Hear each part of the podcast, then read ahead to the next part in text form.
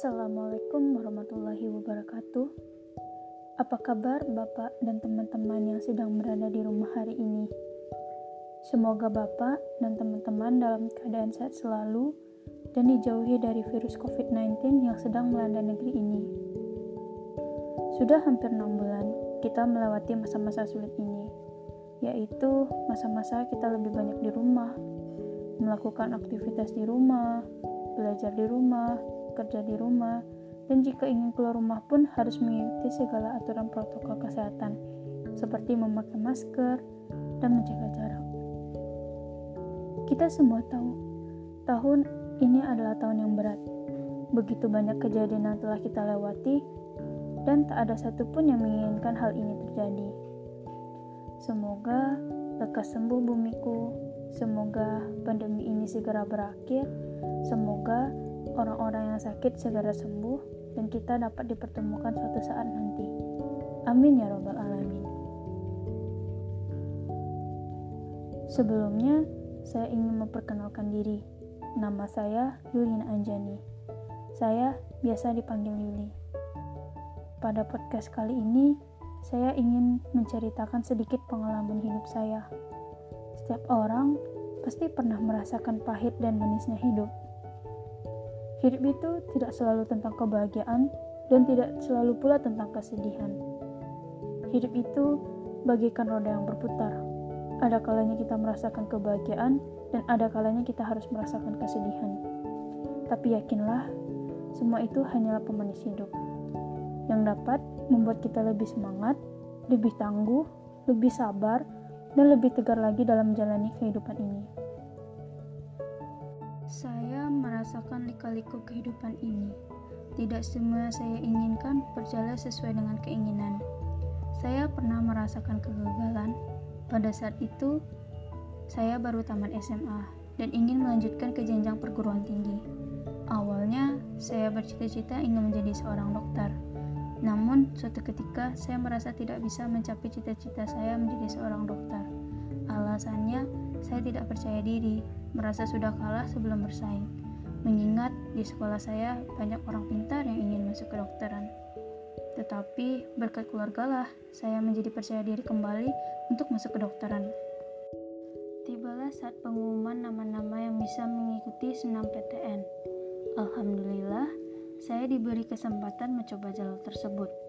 Singkat cerita, pengumuman hasil senam PTN pun keluar. Ternyata hasilnya saya gagal senam PTN. Awalnya saya berusaha tidak bersedih karena saya tahu hasilnya akan seperti ini. Tapi entah kenapa saya menangis melihat kegagalan ini. Saya takut akan gagal lagi di jalur lainnya. Meskipun saya tidak tahu apa yang terjadi ke depannya. Karena support teman-teman dan keluarga, saya pun bangkit dan lebih giat lagi untuk belajar SBMPTN dengan harapan saya bisa lolos di jalur ini. Akhirnya, pengumuman SBM pun telah tiba. Untuk kedua kalinya, saya gagal mendapatkan kedokteran. Bahkan tidak hanya sekali atau dua kali, tetapi saya telah gagal sampai lima kali untuk mendapatkan kedokteran. Saya merasa sangat-sangat sedih. Bahkan saya hampir putus asa dan ingin menyerah saja.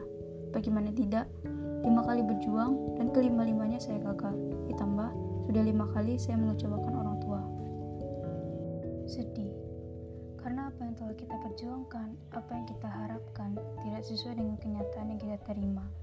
Mungkin sebagian kita pernah merasa, kenapa orang-orang mudah sekali mendapatkan impiannya, kenapa kita tidak bisa seperti mereka. Itu semua terjadi karena takdir dari Allah. Allah lah yang tahu apa yang terbaik untuk hambanya. Belum tentu apa yang kita inginkan akan baik untuk kita. Terkadang sesuatu di luar harapan kita itulah yang terbaik.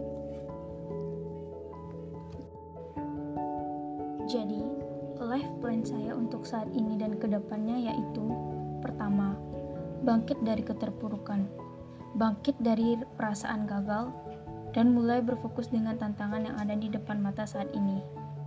Lalu, menerima dengan ikhlas apa yang ditakdirkan oleh Allah, seperti berpikiran positif. Mungkin kedokteran tidak baik untuk saya. Mungkin jurusan yang terbaik untuk saya adalah jurusan yang sedang saya jalani saat ini dan alhamdulillahnya selama ini saya bisa menyesuaikan diri di jurusan yang saya sedang menjalani sekarang, meskipun awalnya terasa baru bagi saya.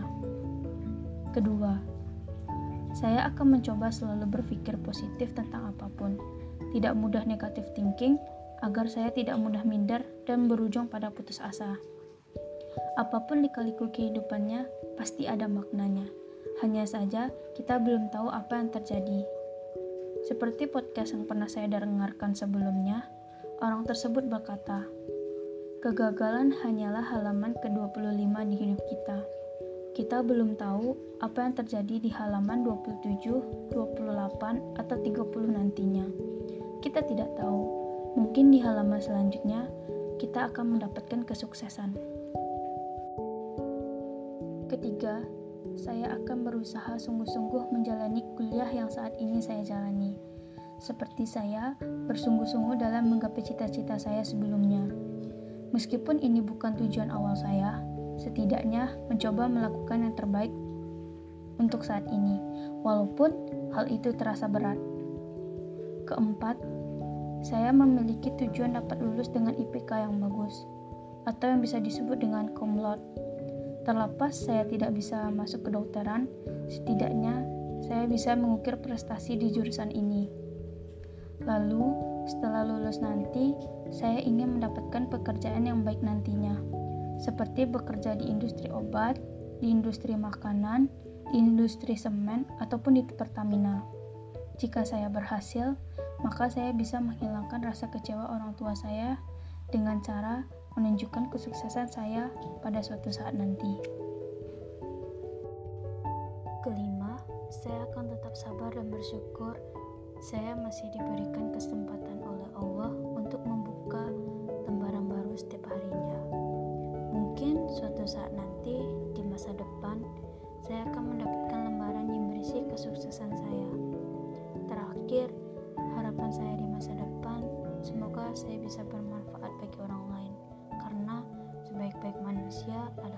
manusia yang bisa bermanfaat bagi orang lain. Selain life plan yang sudah saya sebutkan tadi, yaitu life plan bangkit dari kegagalan, saya mempunyai life plan yang dari dulu sudah saya rencanakan. Pertama, saya ingin menaikkan haji bagi kedua orang tua saya, karena sebaik-baik anak adalah anak yang bisa berbakti bagi orang tuanya. Kedua, saya berharap dapat melanjutkan S2 di luar negeri. Dengan tujuan saya bisa menambah wawasan saya dan ingin tahu bagaimana rasanya kuliah di luar negeri.